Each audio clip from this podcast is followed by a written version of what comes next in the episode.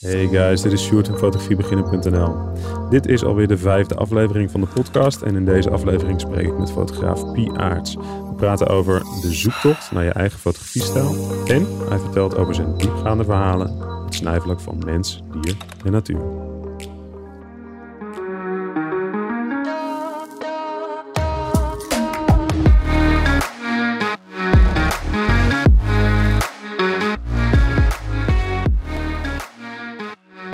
Hoe is het jongen? Ja, gaat goed, gaat goed. Uh, tijd geleden. Ja? we hebben elkaar nog best lang niet gezien. Laatste keer was met Martijn. Uh, ja, dat klopt ja. Ja, inderdaad. Ja, volgens mij, ik weet niet meer waar we naartoe. We hadden een soort van plek in het midden van Nederland gevonden waar we elkaar ja. uh, konden treffen. Ja, maar volgens mij was dat nog voor, de, voor, de, voor corona. Of was het tijdens? Oh. Nou, de horecazaken, ik denk ervoor net, want de horecazaken waren nog open. Dus uh, we konden koffie drinken. Dat weet ik nog. Ja, ja, dat is waar inderdaad. Dus, was ervoor, moest ervoor zijn. Ja. Toch? Het moet, moet ervoor zijn inderdaad. Nou, er is een hoop gebeurd in, uh, in de tussentijd. Uh, uh, laten we ook privé. je bent natuurlijk vader geworden. Gefeliciteerd. Ja, daar, kun jij, daar, kun, jij over meepraten. Dat klopt, ja, ja zeker. Ja, absoluut. Ja, zijn er, jij, jij, natuurlijk ook, jij natuurlijk ook voor je derde. Uh, wat, wat, zeg je nou? Jij bent er ook vader geworden van je derde? Ja, ja, van de derde. Ja, van de derde. Ja, ik, ik, ik ben het tel aan het kwijtraken bijna. Ja. gaat, gaat heel hard. Nee, gaat goed. Dit was ook wel de laatste, moet ik zeggen hoor. Uh, we, we, houden het erbij. Knoop erin. Juist, juist, juist. nou, het wordt een hele andere podcast ineens dit. en je kunt hem ook altijd later instarten. Dat is waar, dat is waar. Nou joh, maar prima. We houden het hier gewoon bij. Helemaal ja, ja, ja. hey, maar uh, nee, want hoe kennen we elkaar? Uh, want zo begin ik inderdaad altijd een beetje afgezien van de thee. Um, uh, ik heb dat bij de andere afleveringen ook gedaan. Um, mm-hmm. Ja, hoe kennen wij elkaar, Pie?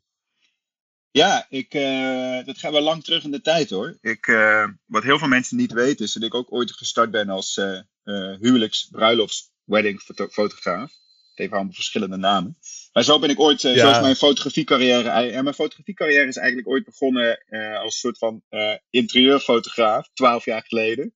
oh, dat wist ik niet eens. ja, en ik fotografeerde allemaal. Ik had vrienden in Amsterdam die appartementen verhuurden en verkochten. En die fotografeerde ik dan.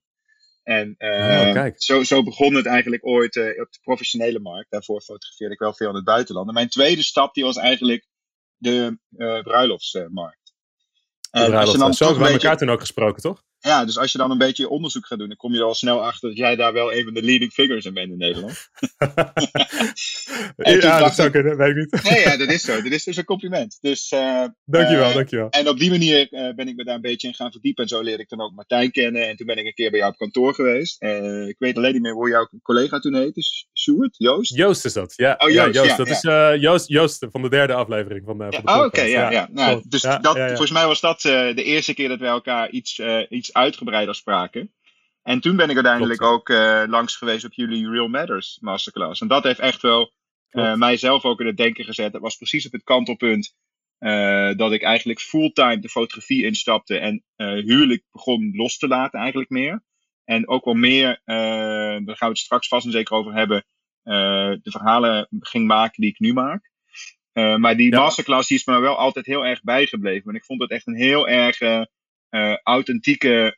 Ik heb er echt veel, niet alleen veel geleerd, maar ik heb er ook echt wel veel interessante mensen leren kennen die me hebben geholpen in het vormgeven van mijn eigen verhaal de periode daarna. Het was gewoon een heel authentiek uh, geheel. En dat is ook de basis geworden voor mijn eigen masterclasses in de jaren die volgden.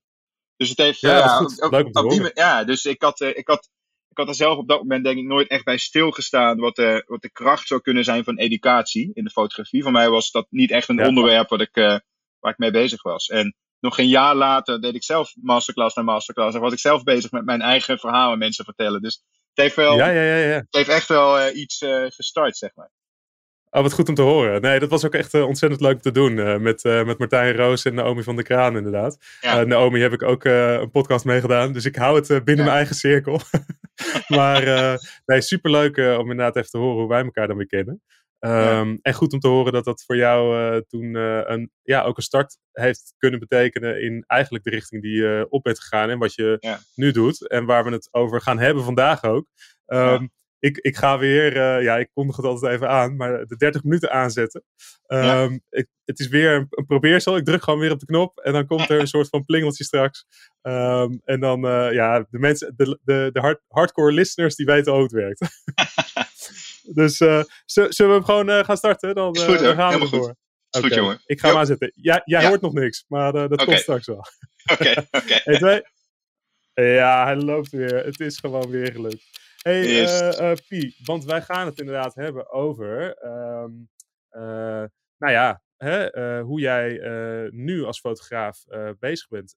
Kun, kun, je daar wat, wat over vertellen? Want het is inderdaad, ja. je begon dan met bruiloften en interieurfotografie, maar daar ben je nu wel echt, je doet iets totaal anders nu. Ja, ja, ja er is veel, veel gebeurd de afgelopen jaren. ja, hoe het voor mij ooit begonnen is, is ik ging op stage in China. Uh, toen was ik 21 of zo, denk ik. Zat ik op de Hoge Hotelschool, dus ik heb ook geen fotografische achtergrond. En toen uh, heb ik een, uh, dat was echt de, de early days van digital. En toen heb ik een Canon 400D gekocht. Ik had eerst, mijn eerste camera was een Canon AE1, dus een analoge camera. En ja, die heb ik ooit van mijn vader gekregen. En, ja, en daar fotografeerde ik veel mee. En die heb ik meegenomen. Maar ook die 400D. Dat was mijn eerste digitale spiegelreflexcamera. En dat werd, daar in China werd dat echt mijn manier om, uh, je moet je voorstellen, dat is bijna twintig jaar geleden. Dat, toen sprak daar niemand Engels. Dus die camera werd echt mijn manier om te communiceren met mijn collega's in het hotel, maar ook met mensen op straat. En uh, door die zoeker leerde ik dat hele land kennen. En toen raakte ik best wel hoekt aan de fotografie. En in de jaren die eigenlijk volgden, die je zegt pak een beetje vijf, zes jaar die volgden, ging die camera altijd mee op reis. En ik heb wel echt altijd een hele sterke passie voor avontuur en voor ontdekking gehad. En dat, dat matchte heel goed met fotografie. Dus uh, voor mij was, uh, was dat echt een, een, echt een match made in heaven. En overal waar ik kwam, was ik bezig om door die zoeker mensen te leren kennen en plekken te bezoeken. En dat is op een gegeven moment een beetje uit de hand gelopen. Uh, dat begon ik zo leuk te vinden dat ik ben, echt ben gaan verdiepen in het fot fotografische medium. En er meer over ben gaan lezen en leren. En betere camera's en lenzen ben gaan kopen. En ook echt reizen ging plannen met als doel te fotograferen. En voordat ik, het oh, weet, voordat ik het weet, stond ik opeens interieurs te fotograferen en was ik opeens huwelijksfotograaf. Dat ging eigenlijk in een periode van acht jaar heeft zich dat soort uh, ontwikkeld. Nooit met de gedachte om fulltime fotografie uh, iets te gaan doen. Uh, maar van het een kwam steeds het ander. En in die huwelijksfotografie heb ik echt wel. Ik bedoel, er wordt ook best wel vaak, dat herken je waarschijnlijk, soms lacherig over gedaan. Maar er is voor ja, mij echt geen enkele tak van sport die je meer en beter de basis leert van een verhaal vertellen. En je hebt, Alles je zit erin, hè? Alles zit erin. Je hebt één, je hebt één dag en in die, in die dag zitten alle emoties en je staat onder tijdsdruk. Dus je moet echt wel leveren. Er zijn momenten dat je wel even kan terugleunen. Maar het leert je echt om door zo'n dag heen te bewegen en om verhaal te vertellen van begin tot eind met een spanningsboog erin. En dus voor mij was die eerste jaren als huwelijksfotograaf, dat was echt de foundation voor het werk wat ik nu doe. En dat heeft vervolgens een soort van uh, spark ge, gecreëerd naar de straatfotografie dus dat ben ik eigenlijk meer en meer gaan doen. En dat was best wel een goede blend, want ik hou wel heel erg van het rauwe. Maar ik ben ook wel heel erg esthetisch als fotograaf. Dus huwelijks- en straatfotografie, dat was mijn volgende stap, hoe ik dat combineerde, zeg maar. En daar, vanuit die gedachte, ben ik op een gegeven moment gaan spelen met het idee, moet ik dan niet fulltime in de fotografie stappen? Ondertussen had ik natuurlijk een, eh, een hele andere carrière. Ik werkte toen bij Ahold. Uh, ja, en ja, toen hebben we elkaar voor... bij mij op kantoor gesproken. Ja. Dat jij toen langskwam en een, ja, beetje op die tweesprong stond. Ja, en was toen verantwoordelijk voor kaas en zuivel. dus dat is iets... Even iets heel anders. ja, iets heel anders. en dat zorgde uiteindelijk ervoor dat ik het zo druk kreeg dat het gewoon niet meer te combineren was. Dus op een gegeven moment heb ik in 2017 echt besloten, ik ga het gewoon doen. Ik ga fulltime de fotografie in. Ik stap in een nieuw leven. en ik wist toen wel al dat ik uh, ook echt wel een aantal jaar mezelf de tijd wilde geven om dan te gaan zoeken naar wat past dan het beste bij me. En ik weet nog goed ja, dat ik in, tweede, in 2017 voor het eerst naar Afrika ging. Dus ik kom daar eigenlijk ineens zo heel erg lang, eigenlijk pas vier jaar. Uh, en er was een reis naar uh, Botswana, Okavango Delta. En dat was eigenlijk een, reis, soort van een kantelpunt ook wel in mijn. Dat was de eerste reis dat ik echt het besef had van. Uh, ik wil weg bij Ahold. Ik wil echt in de fotografie verder. Hmm. En dat was ook mijn eerste kennismaking met Afrika. En eigenlijk is het toen heel snel gegaan. Want toen heb ik in Afrika echt een soort van uh, verhaallijn ontdekt. Die heel erg past bij uh, waar ik voor sta en wie ik ben. En uh, die ook wel heel erg mezelf gedwongen heeft om heel goed na te denken over welke fotografische stijl ik dan ambieerde. En welke fotografische stijl past bij waar ik als mens voor sta. En dat is een periode die eigenlijk ongeveer anderhalf jaar geduurd heeft. Daar is Because People Matter uitgeboren. Dat ken je waarschijnlijk. Ja. Uh, dus dat was echt een soort daar, van... Kan je daar kort even over vertellen? Dat is een Instagram-account uh, ook, hè? Ja, uh, dit, is ook, dit, is een, dit is een beetje de belichaming. Het is eigenlijk alleen maar een Instagram-account. Het is verder niet heel veel meer dan dat. Maar het is wel de belichaming van hoe ik mijn eigen visuele stijl weer heb herontdekt. Dus ik, ik, ik, merkte heel erg dat ik in die periode na 2017 toe, dat was een beetje de opkomst van Instagram, 2014, 15, 16, waarbij ik echt mensen overnight gewoon famous zag worden. En je kon gewoon op die suggested user list komen en dan had je gewoon 100.000 volgers in, in een maand erbij. En dan ging het hard. ja. dat is echt zo. Dus ik, ik raakte daar, ik zat daar eigenlijk net na. Dus ik raakte een beetje verstrikt in de gedachte dat dat voor mij nog haalbaar was. Dus ik ben toen een soort van landschapsfotograaf. Heel, onder, onder druk heel snel een landschapsfotograaf geworden. Terwijl dat helemaal nooit de bedoeling was, natuurlijk. Dus, dat, dat, dus mijn transitie van straat en van huwelijk naar landschap, dat was er één die heel erg in een pressure cooker zat om, om snel bekend te worden via Instagram. En ik ontdekte dat op een gegeven moment in 2018, uh, 2017, 18, in die tijd dat ik voor het eerst naar Afrika ging, van, uh, dat ik eigenlijk steeds meer een disconnecte was van dat uh, landschapsverhaal, maar steeds meer naar, terugging naar de essentie eigenlijk voor mij. En dat was mensen fotograferen in China op straat. Zo begon het ooit. Ja, ja, ja. Dus ja, mijn, zo begon mijn, voor jou. Ja, precies. mijn herontdekking van uh, mijn passie om te connecten met mensen door fotografie. En dan vaak ook wel verhalen in het buitenland. Zeg maar, dat soort van de travel photography, zo heet, het, zo heet dan met een heel leem woord. Ja. Maar dat was, uh, dat was eigenlijk mijn periode dat ik begon met Because People Matter. En dat ik echt begon te graven in het leren kennen van mensen. En langere tijd doorbrengen met mensen. En echt mensen hun levens proberen te begrijpen. In plaats van dat oppervlakkige, snelle interactie op straat. Want dat was het eerst. Dus het, dus ja, dat was dus echt die straatfotografie. Uh, gewoon hoppakee, uh, de straat ja. op en fotograferen. Ja, maar echt meer die transitie naar proberen een verhaal van iemand te vertellen. Over, over iemand. Ja, dat is uh, denk ik heel erg typisch geweest voor die periode. En ik begon toen steeds meer na te denken ook over environmental portraiture. dus ik begon steeds meer na te denken over hoe ik mensen wilde portretteren. En wat voor verhaal je vertelde, wat voor platform je ze geeft. En uh, ik had inmiddels natuurlijk best wel wat online bereik, dus ik wilde dat ook graag gebruik, gebruiken uh, om de wereld beter te maken. Dat begon eigenlijk toen voor het eerst ook een beetje te knagen, dat activistische, wat ik nu heel erg heb. Uh, dus ja. langzaam, er is gewoon heel veel gebeurd in die periode. Langzaam veranderde ik in een ander soort fotograaf. En disconnecte ik heel erg van de eerste paar jaren. Nou, als je dat dan vooruit... Maar dat is denk ik, dat is toch ook een hele mooie weg eigenlijk. Zo gaat het denk ik bij heel veel mensen. Dat je gewoon, hè, dat is ook fotografie. Er is natuurlijk zoveel in te ontdekken. Uh, zoveel verschillende stijlen, zoveel verschillende stromingen. Uh, en het is dan heel mooi om te zien eigenlijk dat je terugkomt bij waar het ooit begon. Namelijk uh, ja. het fotograferen van mensen in China. Ja. Um, met een diepere laag, namelijk echt een verhaal proberen te vertellen over ja. hun leven. En hoe kun je dat nou op een, op een goede manier doen. Ja, ik weet nog heel goed dat ik vroeger heel erg, vroeger, daar ben ik nog steeds wel van gecharmeerd, maar vroeger meer dan nu, uh, was ik heel erg gecharmeerd van uh, Humans of New York. Mm. Dat ken je waarschijnlijk absoluut, wel. Absoluut, echt iets uit de, uit de, ja. early, uit de early days. Ik moet zeggen dat ik, ik lees ja. niet meer alle verhalen, ik volg het ook niet meer altijd. Maar als ik iets tegenkom en ik, heb, uh, en ik zie dat het vanuit, die, vanuit dat oogpunt is gemaakt, lees ik het altijd helemaal. En ja, dat heeft mij ja. altijd zo geïnspireerd. En dat was echt wel een van de eerste gasten die dat echt wel op dat niveau deed. Ook al op die schaal, ja. orde van grootte. Maar ook wel met die emotionele connectie. Gewoon mensen, vreemdelingen, strangers op straat tegenkomen. Nog niet eens zo heel goed fotograferen. Maar wel echt naar ze nee, luisteren. Precies. En een, echt een verhaal vertellen.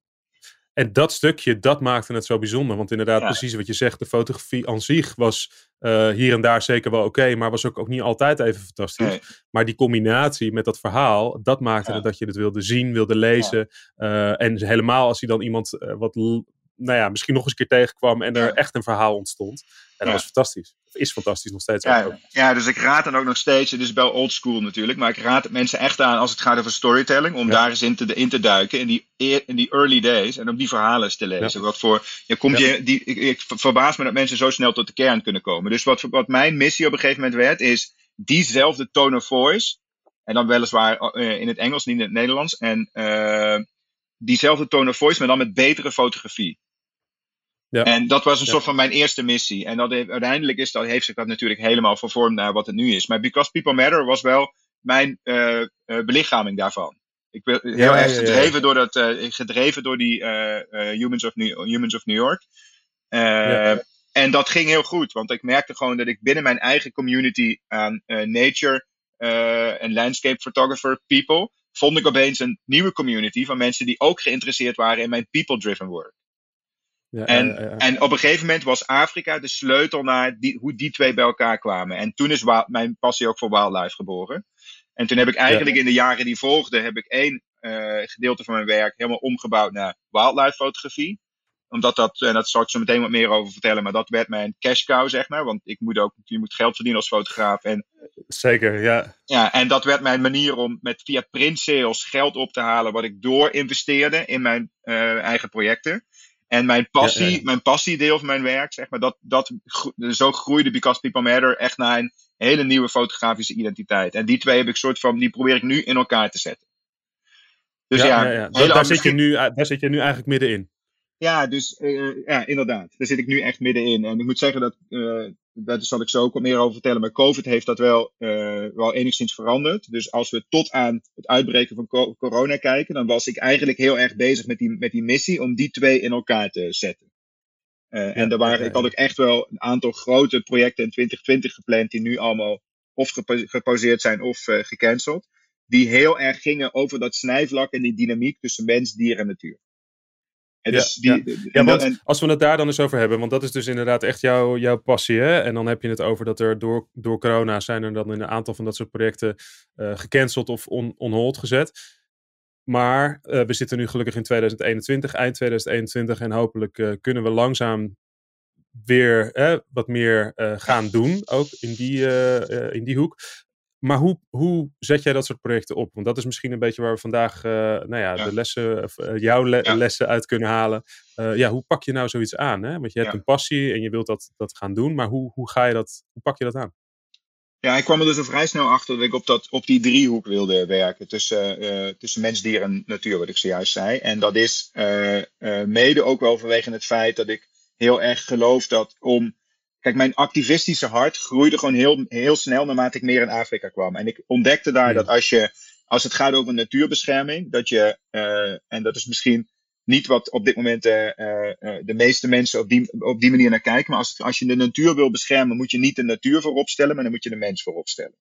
En dat zie je vooral in, het, in natuurgebieden in Afrika, waar de populaties gewoon echt heel erg omhoog schieten waar het leefgebied van dieren steeds kleiner wordt. Er komt dus steeds meer druk te staan op dat leefgebied. Dieren willen naar buiten, mensen willen naar binnen. Dus uh, uiteindelijk, als de mensen die rond die parken wonen tevreden zijn over hun leven, dan komt er vanzelf ook aandacht om, te na, te, om na te denken over hoe beschermen we die gebieden nou het beste. Dus ik ontdekte op een gegeven moment dat ik mijn verhalen moesten gaan over de, uh, de human dynamics van wat het betekent om in een gebied te leven wat zo onder druk staat. En of dat dan Patagonië is, of Papua, of Oeganda, of de Himalaya, je ziet dat overal op de aarde gebeuren. Dus op een gegeven moment, toen ik in de gaten begon te krijgen dat mijn werk meer moest gaan over het proberen uit te leggen door middel van mijn fotografie, waarom die, uh, waarom die relatie tussen mensen en, en dier en natuur zo onder druk staat, uh, ben ik op een gegeven moment voor mezelf verhaallijnen gaan bedenken die daarover gaan. En dus ben ik uh, samen, en dat was in de periode dat ik eigenlijk net uh, in het diepe was gesprongen, 2018. En uh, toen hebben we besloten, samen met mijn vriendin, om uh, een lijst te maken. ik had mijn baan inmiddels opgezegd. Zij was ook bereid om de baan op te zeggen. En om een lijst te maken met verhalen waarvan wij vinden dat ze een podium verdienen. En die zijn we heel langzaam gewoon gaan kijken of die geografisch te verbinden met elkaar zijn. Hoeveel tijd we daarvoor nodig hebben.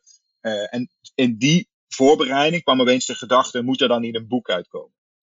En ja, uh, als, We dan, als we dan toch zo meteen ons, allebei onze baan hebben opgezegd en we gaan ervoor en we gaan echt op reis. En aanvankelijk was het idee om misschien een jaar, een jaar weg te gaan en later werd dat 2,5 jaar. Uh, moet, wat moet daar dan uitkomen? Weet je, wat, wil, wat willen we dan meenemen? Wat, wordt dan on, wat, wat, ja, wat is het medium wat we gaan gebruiken om die verhalen te vertellen? En ik wilde mezelf heel erg graag loskoppelen van alleen maar online. ik, dat, ja. ik, wilde weg van dat swipen, liken en dat vluchtige, dat iets na 24 uur eigenlijk verdwijnt. Het snelle. Ja, en ik wilde iets blijvends creëren. En daar is de gedachte uitgekomen om een boek te maken. Dus dat was eigenlijk stap 1. En toen zijn we geografisch gaan kijken naar hoe die regio's met elkaar verbinden. En opeens begon er een plan te ontstaan en een, een, een reisroute. En het gaat natuurlijk over voor corona, dus dan kon je gewoon overal heen. Je kunt het je bijna niet meer voorstellen. Was gewoon niet zo ingewikkeld. ja. En toen zijn we in uh, uh, maart 2018 zijn we echt op reis gegaan om een soort van one-way ticket naar India. India was ook meteen ons eerste verhaal. en via India gingen we naar Nepal en via Nepal naar Sri Lanka en naar Myanmar. En eerst door Azië gereisd en beëindigd in Papua en toen overgestoken naar Afrika en toen overgestoken naar Zuid-Amerika. Maar wel met, met alle ik, verhalen... Ik snap wel dat je twee, tweeënhalf jaar, uh, hè, dat het iets langer geduurd heeft, zeggen. Maar we hadden wel van tevoren, hadden we heel goed in ons hoofd sowieso wat de rode draad zou moeten worden van het boek. Want daar heb ik echt wel lang de tijd gehad om over na te denken. Maar ook wat de verschijningsvormen zijn in elk verhaal. En wat, wat, wat, mijn benadering altijd is geweest, is om een hele kleine human angle te nemen voor een groter uh, thema. En om dan een voorbeeld te nemen, er is een verhaal wat ik dan maakte in uh, Oeganda. En dat ging over een man die ooit stroper was en op een gegeven moment zijn leven heeft omgegooid en ranger is geworden. En dat verhaal, dus die transitie, die vertegenwoordigt heel erg uh, het grote geheel wat zich afspeelt, niet alleen in Oeganda, maar in heel Afrika. over maar je kunt je natuurlijk ook veel beter relateren aan zo'n kleiner verhaal en het van daaruit inderdaad het grote perspectief ook zien. Eh, want dan, dan kun je het meer naar jezelf terugbrengen. Van oké, wat betekent dat nou als zo iemand dat doet en hoe gaat dat dan? Nou ja, kijk, wat ik heel belangrijk vind in de verhalen die ik maak, is dat mensen zich, dat, de, dat de kijker of de luisteraar of de, uh, de viewer zich kan conformeren met iemand die misschien op eerste ogenblik heel ver weg van je lijkt te staan. Maar uiteindelijk, als je je verdiept in iemand, heel dicht bij je, bij je staat. Omdat we in principe gewoon allemaal dezelfde, van hetzelfde vlees en bloed gemaakt zijn. En, en dezelfde wensen en dromen en, en, ja, uh, ja, en dat, hebben. Ja. En dat is voor mij op een gegeven moment uh, de sleutel geworden naar uh, het creëren van verhalen die echt een impact, impact kunnen maken op mensen. Omdat mensen zich zo makkelijk kunnen conformeren, omdat het juist vanuit zo'n persoonlijke benadering door mij gefotografeerd is. En hoe ik eerst werkte is uh, zonder een, een idee in mind op pad te gaan. En dat is over de jaren heen, en zeker in het maken van dit boek, helemaal gegaan naar alles, zeg maar, preconceptualizen, scripten, thuis echt nadenken over wat wordt de visuele lijn in het verhaal. Wat wordt de textuele lijn in het verhaal? Hoe ga ik die bij elkaar brengen? Zodat je uiteindelijk, als je op locatie aankomt, eigenlijk alleen nog maar je werk hoeft te doen als fotograaf. En dan, en dan, en dan grijp ik altijd heel erg terug naar de skills die ik heb opgedaan uit mijn huwelijksfotografie verleden. Want dan is het dan, als je dan drie weken op locatie bent, dan loop je daar eigenlijk gewoon exact hetzelfde rond. Als je, alsof je 16 uur op een huwelijk bent. Zo ben je. Ja, ja, ja, En wat ik op een gegeven moment leerde is dat door juist alles van tevoren, door je zo te verdiepen in je onderwerp en door zoveel te willen weten over. Ik bedoel, je zet ook bepaalde deuren dicht. Uh, maar deuren die dicht zetten, betekent dat andere deuren open gaan. En voor mij was dat echt een manier om een diepere verbinding te krijgen met de onderwerpen en de mensen die ik fotografeerde. Ja. Nee, maar dat is, ik begrijp dat wel. Want, want inderdaad, uh, juist door dat, uh, dat van tevoren helemaal wel uit te denken hoe je dan. dan creëer je ook echt een verhaal, zeg maar. En dan. Um, ik vind het wel mooi om te horen dat je dan inderdaad dus de skills van de, van de trouwfotografie eigenlijk gebruikt. Ja. Um, dat is dan meer eigenlijk een soort van de technische skills en het vertrouwen dat het goed komt of zo. Dat je, dat je de beelden gaat vinden die je nodig hebt om dat verhaal te gaan bouwen, zeg maar. Ja, kijk, fotografie is heel erg, in het Engels eh, is dat mooi om te zeggen, maar de art of seeing. Weet je, eh, ja. en voor mij uh, is fotografie echt dat geworden de afgelopen jaren. Dus je moet dingen zien die andere mensen niet zien. En wat ik op een gegeven moment merkte, is dat te veel mensen ervan uitgingen dat fotografie, fotografie meer op het knopje drukken is. Hè? En ja, wat ik merkte door me heel erg vast te bijten in onderwerpen en door echt te, op een gegeven moment voor verhalen ging ik gewoon hele boeken lezen over die culturen. Om te begrijpen hoe die culturen werken. Zodat ik op een gegeven hmm. moment op locatie meer bezig kon zijn met the art of seeing.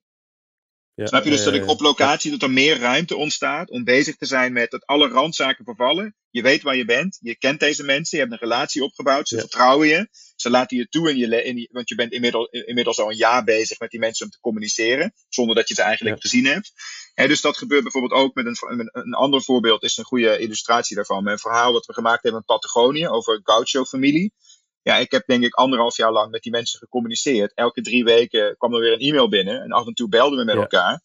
En je hebt echt het gevoel dat je elkaar kent. En de laatste dus stap dus in het heel proces... erg veel investeren inderdaad. Om dus, dus echt die, dat gevoel van toegang te krijgen. Nou, ik, ik snap wel wat je bedoelt nu ook met, met, met trouwfotografie. Want op het moment dat je een bruiloft gaat fotograferen... een van de belangrijkste dingen die ik altijd vind... om goede beelden te kunnen maken... is dat je van tevoren een goed gesprek met mensen hebt. Exact. en dat je dus inderdaad dat, die, dat stukje communicatie... met elkaar echt opstart. Uh, Zodat je niet koud binnenkomt... maar dat je elkaar eigenlijk als een soort van vrienden voor de dag al kent. Um, en ook begrijpt waar zij vandaan komen. Hè? Dus als ja. zij uh, vervent servers zijn, uh, dat je dat weet. En dat je ja. daarmee aan de slag kunt om, uh, of dat dat inderdaad precies wat je zegt, de art of seeing.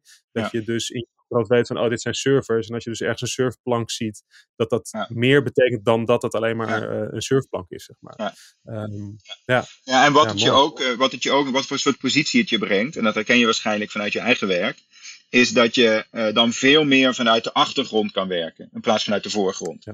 Kijk, als, als, wat ik merk als ik, uh, als ik me minder goed, in, in mijn boek staan ook verhalen die minder goed zijn voorbereid hoor. Er staan er verhalen in over een uh, fruit- en groentemarkt in Colombo, de hoofdstad van Sri Lanka. En daar had ik nog nooit van gehoord, maar we kwamen in, op die, we liepen langs die markt. En dat maakte me zo wild, hoe die markt eruit zag, dat ik dacht, ja, hier moet ik een verhaal over maken. Toen ben ik er acht dagen naartoe gegaan, elke dag opnieuw, opnieuw, opnieuw.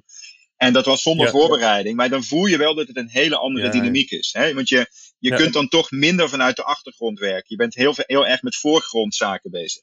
En wat ik merk bij zo'n verhaal in Patagonië is dat mensen precies weten wat je komt doen. Ze kennen je, dus ze laten je ook in je eigen zone laten ze je werken. Je hoeft niet meer bezig te zijn met uh, vertrouwen winnen. Of met uitleggen wie je bent. Of uh, en zij hebben niet het idee dat ze jou moeten begeleiden of zo. Nee, van, oh, nee ze weten. Nog, nee, ze weten. Ja, jij, weet ze precies wat je komt doen.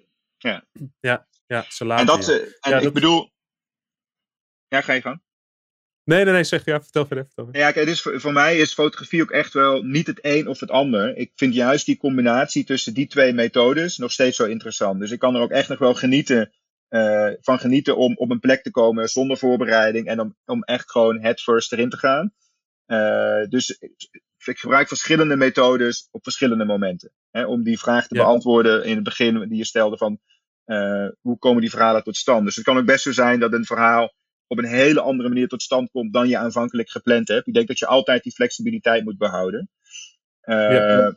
Dus ja, ik, ik, hoe de wind waait, waait, waait mijn jasje, zeg maar. maar vaak, ja, ja, ja.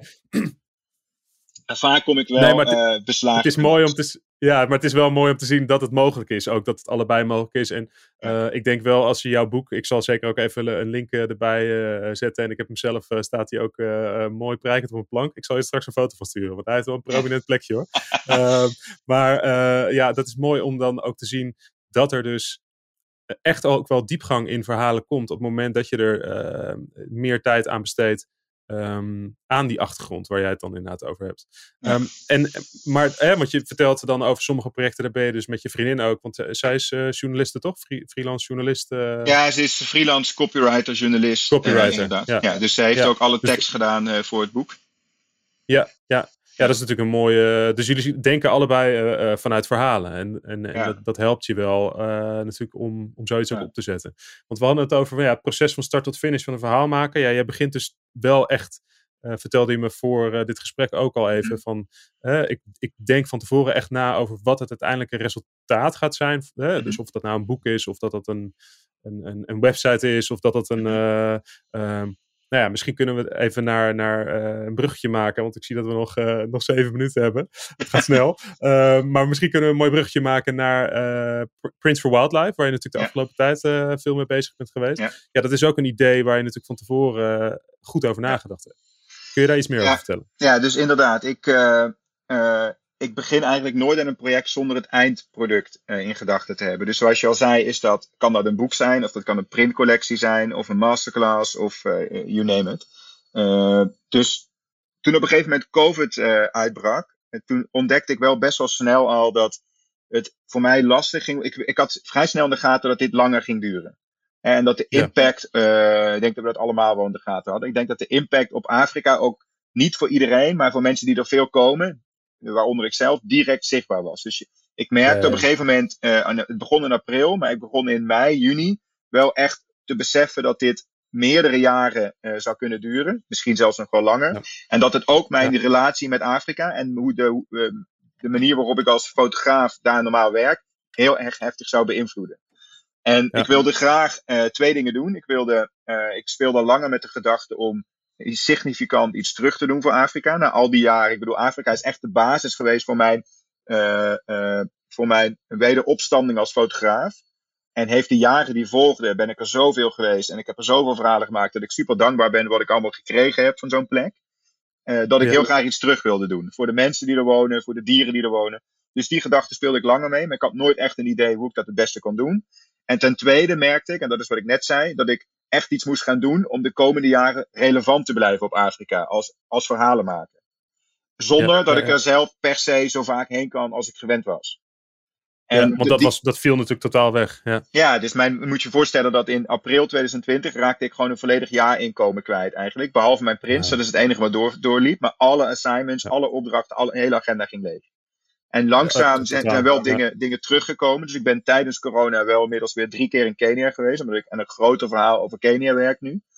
Uh, en dat zou misschien een volgend boek kunnen worden, eventueel. Maar dat weet ik nog niet helemaal zeker.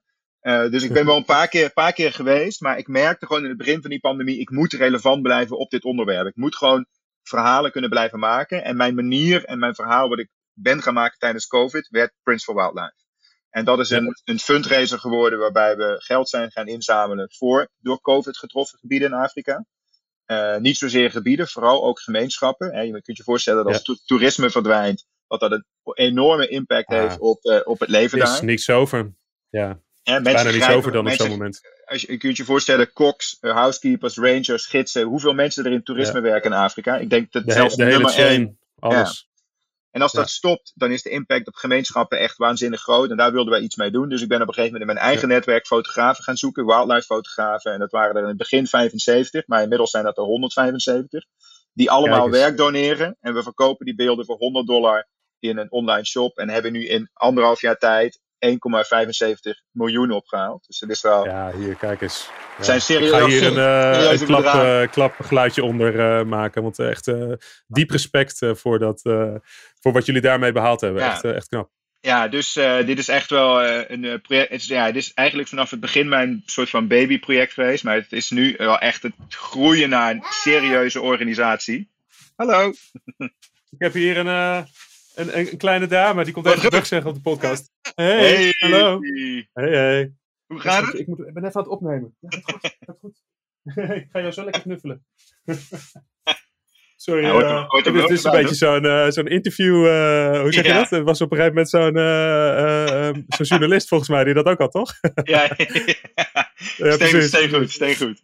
Ja, ja, zeker, zeker. Ja, dus ja, Prince for Wildlife is eigenlijk de afgelopen anderhalf jaar uh, echt gegroeid naar een organisatie uh, die wel echt een serieuze omvang krijgen is. En we zijn afgelopen week hebben we de, de tweede fundraiser gesloten met een recordbedrag. En hebben we ook bekendgemaakt dat we officieel de grootste print fotografie fundraiser zijn in de history of wildlife conservation. Dus wat begon eigenlijk als een soort van een idee om te helpen, is inmiddels ook wel omdat ik er zoveel tijd voor heb. En ik kom gewoon, ik ben minder bezig zelf in Afrika. Dus al die tijd die ik daar normaal ben, werk ik nu hier. Op een zolderkamer in Amsterdam aan deze fundraiser.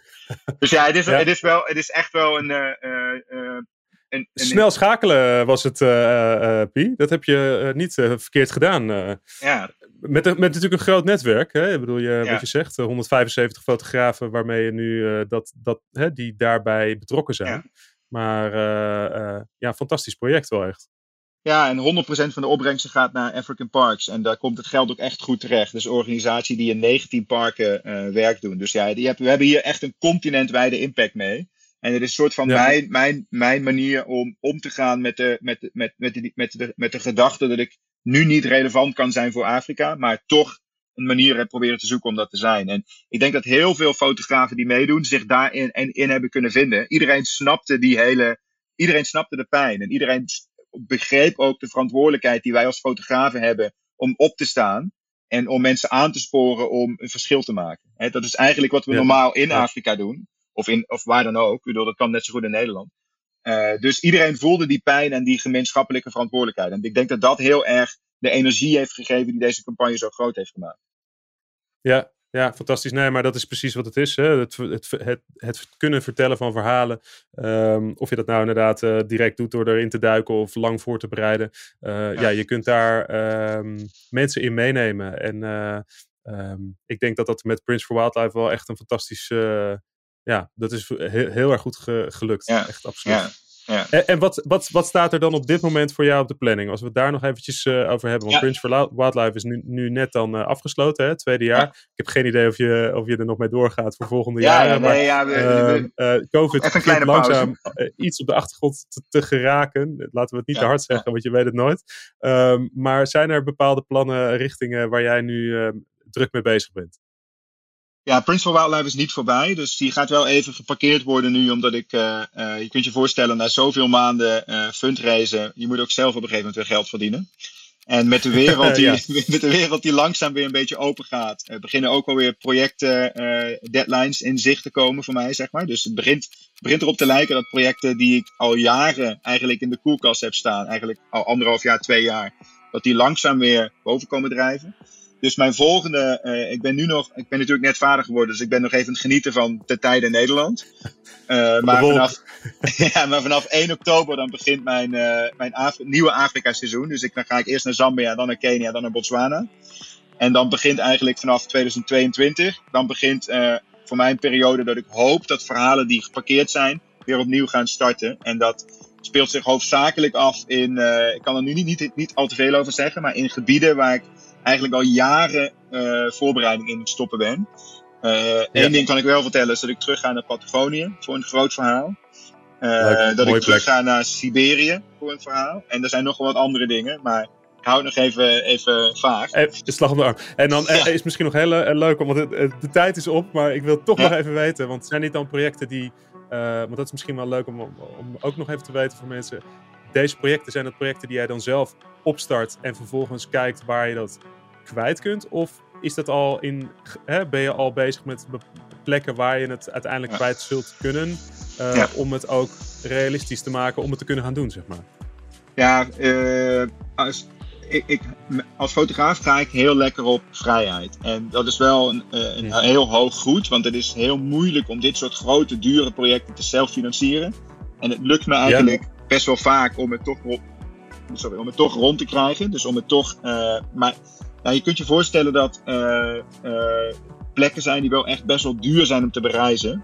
Dus dat is wat ik in het begin ja, zei. Ik, ik, begin wel altijd met een eindproduct in mind. En dan durf ik ook, als ik weet dat dat goed staat, durf ik zelf een financieel risico te nemen om het voor te financieren. En dan weet ik dat uiteindelijk ja, een boek of een printcollectie of een, een, serie masterclasses of een serie lectures of talks, dat dat uiteindelijk wel weer het geld terugbrengt. Dus het zijn wel altijd financiële risico's die ik neem.